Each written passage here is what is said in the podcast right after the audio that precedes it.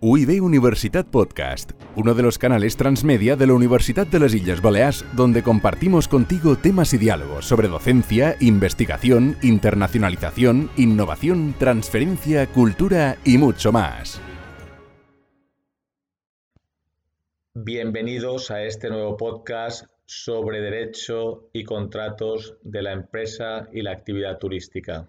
Os saluda Juan Fran Fluchá profesor de Derecho Mercantil y Contratación Turística de la Universidad de las Islas Baleares. Hoy contamos con Juan Carlos Tárraga, subdirector general de Willis Towers Watson, y abordaremos con él el tema de la gestión de riesgos y el contrato de seguro en el sector turístico. Juan Carlos asesora a las multinacionales hoteleras más importantes con sede en las Islas Baleares. Buenas tardes, Juan Carlos tardes, Juan. Encantado de estar con vosotros esta tarde. Muchas gracias por tu, por, tu, por esta conversación que vamos a tener ahora y por tu experiencia en el sector que vamos a abordar. Y empezaría por preguntarte cuál es la posición y el papel del broker y de la aseguradora en este entorno de seguros de la empresa turística. Muy bien, muchas gracias. Mira, yo, creo que antes de hablar de, seguros, eh, deberíamos abordar los seguros como una, parte de, una perspectiva mucho más amplia que sería eh, la gestión de riesgos. Entonces, nosotros, el papel del broker o consultor, eh, como es Willis Towers Watson, para, para, una empresa del sector turístico, eh, primeramente lo que hacemos es asesorarle. la gestión de riesgos empieza por identificar los riesgos a los que una empresa se ve sometida cualquier amenaza que pueda, digamos, eh, eh, entorpecer o, parar la actividad propia de la empresa, ¿no? Entonces, eh, en esa gestión de riesgos, lo primero que hay que hacer es un, mapa de riesgos. Un mapa de riesgos no es ni más ni menos que un brainstorming, una, una tormenta de ideas donde tratas de analizar, identificar sobre todo una lista de riesgos que pueden, que si ocurrieran, eh, podrían eh, tener un impacto en la cuenta de resultados, eh, ya sea la cadena de suministro, ya sea por un tema de clima, ya sea por un tema de, crédito, etcétera. Entonces, ese, ese mapa de riesgos te sirve para tener identificados los riesgos a los que se enfrenta la empresa y a partir de ahí tú le vas poniendo, normalmente se hace con colores, pues los rojos son los, los riesgos más altos, los verdes son los riesgos, digamos, más bajos, ¿no? Y a partir de ahí, una vez identificado, pues los vas clasificando.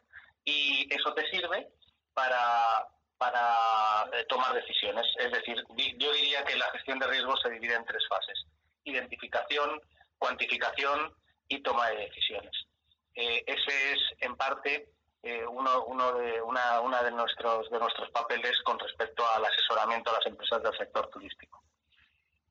En, ese mapeo de, riesgos que has planteado, ¿cuáles son los principales riesgos en el sector? Bueno, eh, el turismo es una industria muy transversal, con lo cual yo creo que eh, está sometido prácticamente a todos los riesgos eh, que existen.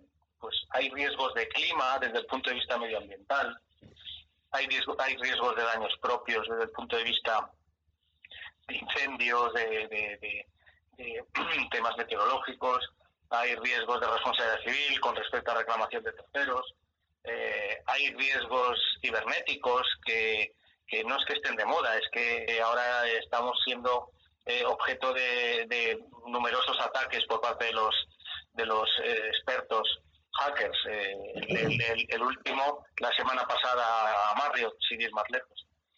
hay riesgos de terrorismo, hay riesgos de infidelidad de empleados, eh, lo que llamamos DNO, que es Directors and Officers Liability, que es la responsabilidad de los directivos y altos cargos de la empresa, eh, etcétera. Eso es la parte, digamos, de, eh, de impacto en la, en la PNR, en la cuenta de resultados. Y luego están los riesgos de personas, que también son numerosos. Eh, riesgos de vida, riesgos de accidentes, riesgos de, expatriados, de salud, riesgos de jubilación, pensiones, retirement, talento, etcétera.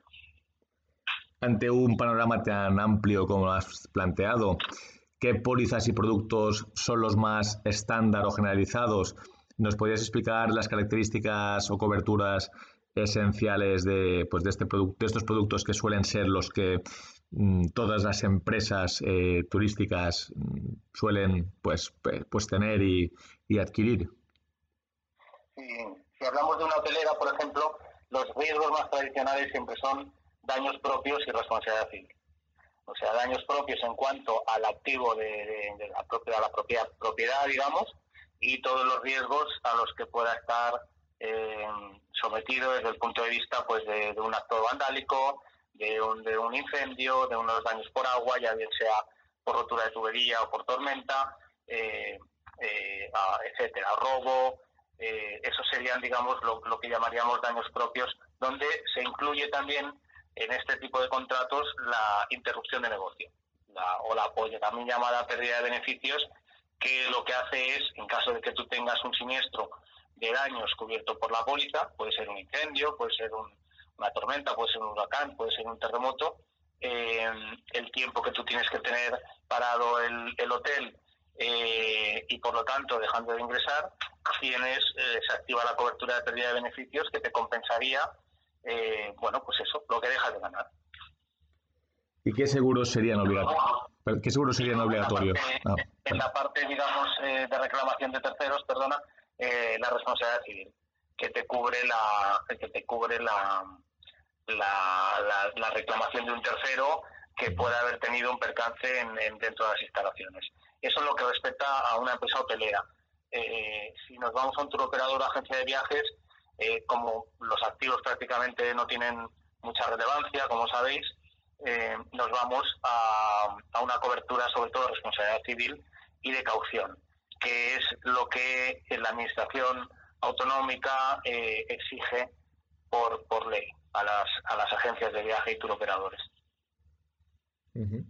Muy bien, y lo que te preguntaba, ¿no? ¿Y cuáles serían obligatorios pues en esos sectores, hotelero, eh, intermediación o transportes? Eh, ¿Qué seguros consideras que son, pues, pues bueno, obligatorios, tanto legalmente como incluso pues porque son imprescindibles? Sí. Bueno, eh, a ver, el, buen gobierno corporativo, lo que te aconseja es protegerte, proteger tus activos y protegerte de una de reclamaciones de terceros. Entonces, yo creo que las coberturas de daños propios, interrupción de negocio, responsabilidad civil, son sin duda eh, las más, son las tradicionales y las más relevantes. No obstante, eh, a partir de ahí, pues hay riesgos más eh, recientes que se han puesto de manifiesto, como el riesgo medioambiental, como el riesgo cibernético, como el riesgo de terrorismo, eh, como el riesgo de directivos y, administradores, eh, como el propio riesgo de crédito, etcétera, ¿no? Que o, el tema de talento, riesgo de, personas también, que, que, bueno, no, no siendo tan tradicionales, bueno, las empresas cada vez están tomando más conciencia de ellos. Supongo que es un poco pronto para hablar del impacto COVID en el replanteamiento del, del sector eh, seguros, pero te plantearía cuáles han sido esos nuevos riesgos o situaciones que se habían agravado y que han marcado un nuevo rumbo en este mercado vuestro de seguros y de, y de riesgos.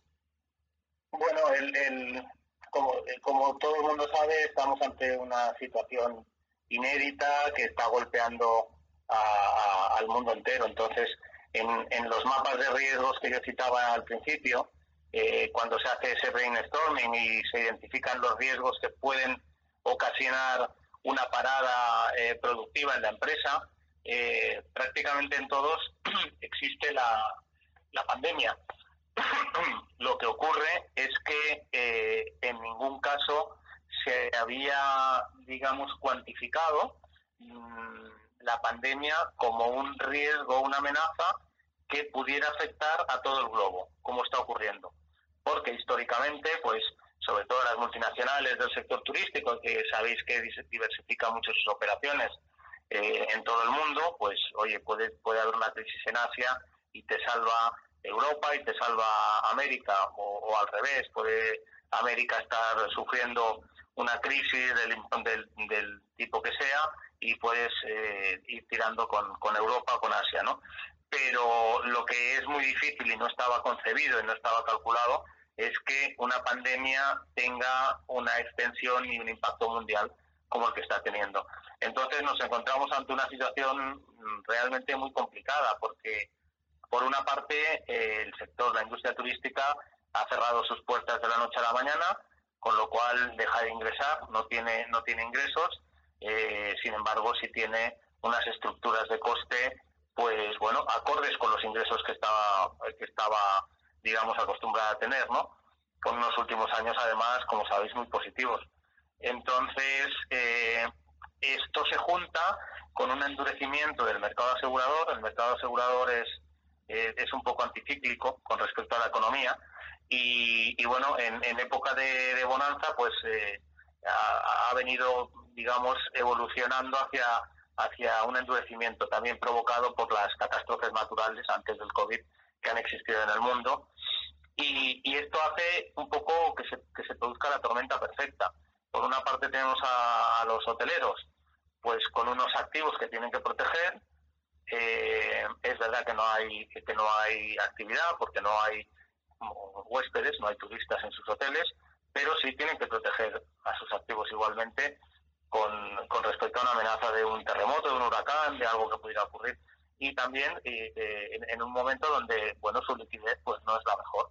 Eh, muy al contrario están mm, inmersos en procesos de ERTES y, bueno y, utilizando la imaginación para aligerar en la medida de lo posible esa estructura de costes.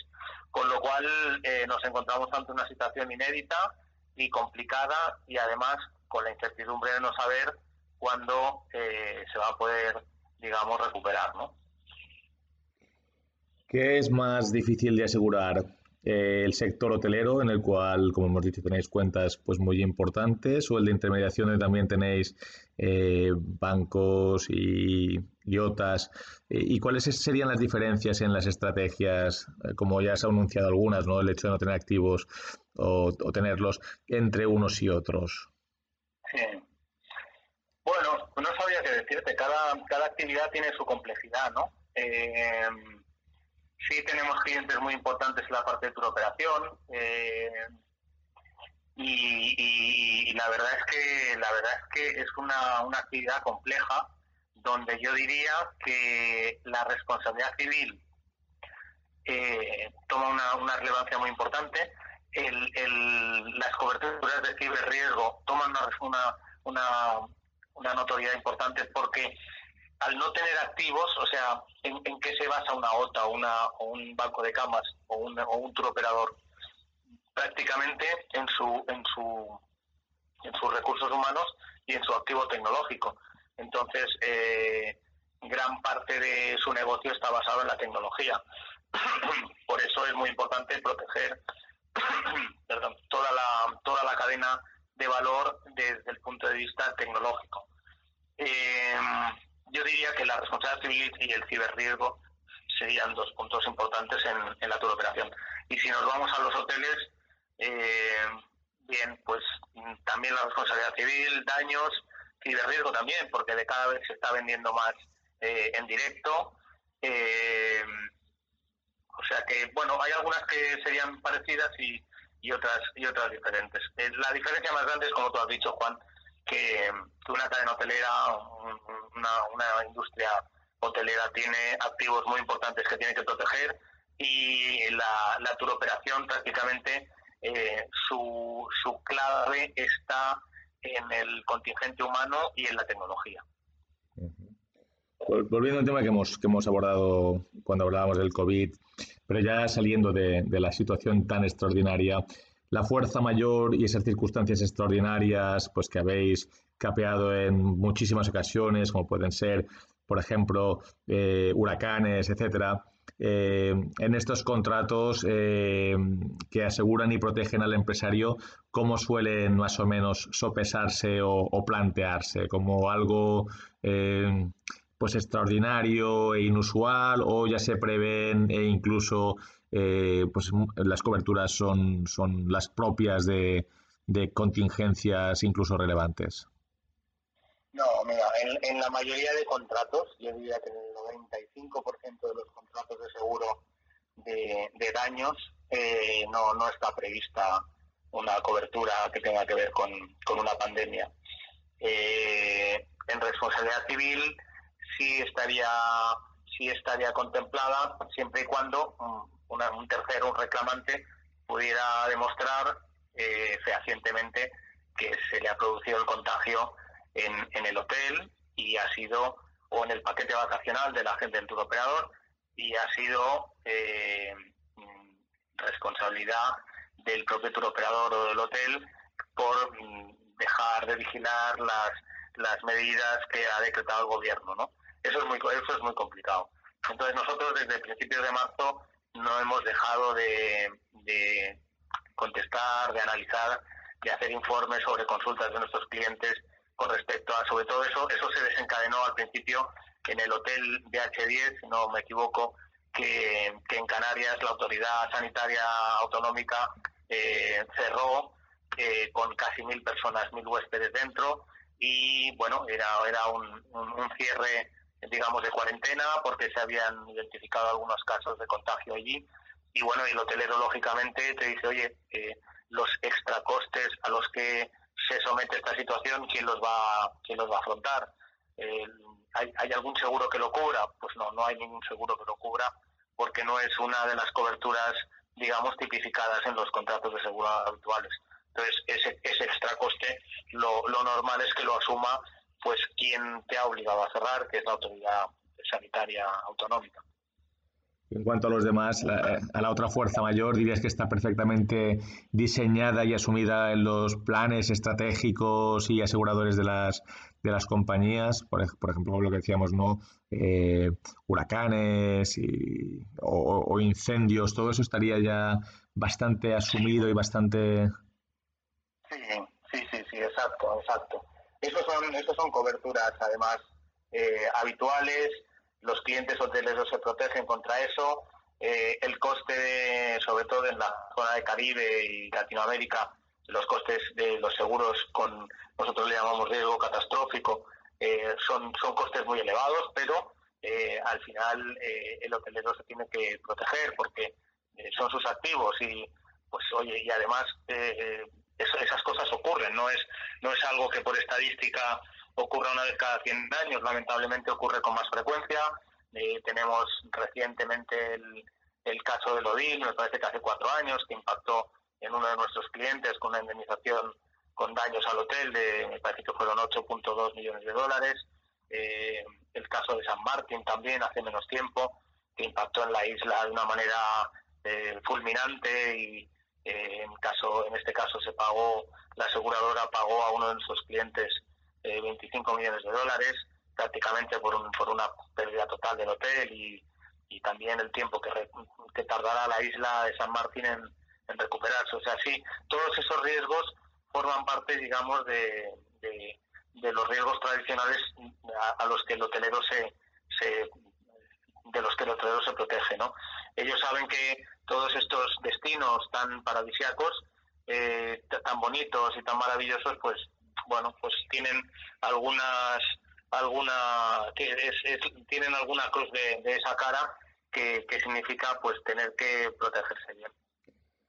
Juan Carlos, una última pregunta. Como dedicaremos un podcast a, la batalla, pues yo creo que ganada de los, de los claim farmers o las denuncias falsas, me gustaría preguntarte en el caso de esos descuentos que los operadores pues británicos, eh, extranjeros, practicaban a nuestros hoteleros por reclamaciones, la compañía aseguradora, cómo se estaba comportando, se había comportado respecto del, del empresario de alojamiento balear, qué coberturas se le habían facilitado o asistencia o prestaciones cuando hubo esta pues esta batalla que fue bastante importante, se cuantificó en bastantes millones de euros y, y se perdió pues, pues con esos descuentos.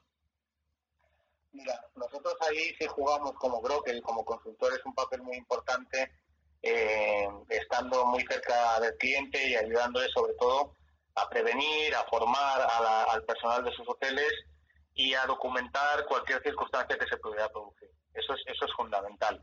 Las aseguradoras, como cualquier otra empresa, cuando tienen que pagar un, siniestro, una reclamación de un tercero, eh, bueno, pues hacen, tienen un expediente y ese expediente eh, es auditado. Y el auditor, pues lo que te pide es que todo, todo lo que hay dentro de ese expediente tenga sentido. Es decir, que si hay una reclamación de un huésped porque se ha intoxicado por, por la alimentación del hotel, pueda demostrar que se ha intoxicado con, con una visita al médico, etcétera, eh, que, bueno que, un poco que todo cuadre, ¿no? Que la indemnización que pida esté acorde con los días que ha estado malo, eh, en fin, una serie de cosas que, son al final de sentido común ¿eh? y que, tienen que quedar documentadas. ¿Qué pasaba con esto que comentas, Juan? Que, que, normalmente no, no era no, no era proporcional eh, las cosas que se reclamaban ni en importe ni con los hechos con la realidad y, no tenía no tenía no tenían ninguna sensatez eh, las aseguradoras si encuentran a alguien que se ha intoxicado por mala suerte o con, eh, con un alimento en mal estado en el hotel, pues van a indemnizar, van a indemnizar por la garantía de responsabilidad civil y cubren al empresario hotelero, oye, pues de un de una cosa que pueda pasar, que nos puede pasar a todos, de algún alimento occidental que haya estado en mal estado.